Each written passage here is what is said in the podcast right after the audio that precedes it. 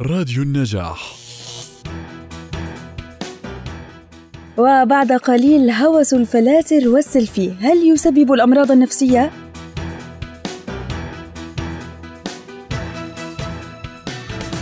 خلق انتشار مواقع التواصل الاجتماعي واستخدام خواص تصفية الصور الفلاتر وصور السيلفي هوسا في المجتمع وخاصة لدى فئة المراهقين والشباب. قد تؤدي بهم إلى الإصابة باضطراب ديسمورفوبيا المعروف بأنه عدم إعجاب الشخص بنفسه.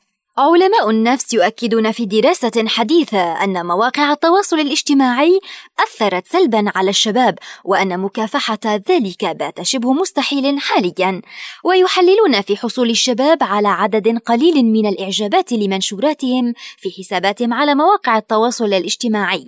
يتسبب بانعكاسات سلبية عليهم ويتحول ذلك إلى هوس لديهم مع مرور الزمن. من جانبهم يشددون على وجود مسائل يجب الانتباه لها أثناء استخدام مواقع التواصل الاجتماعي وتؤكد التحليلات على انه مهما حصل فذلك عالم افتراضي وليس حقيقيا. لذلك فالبعض ينشر بعض مشاعره وآرائه بشكل مبالغ فيه وينتظرون الحصول على إعجابات كثيرة.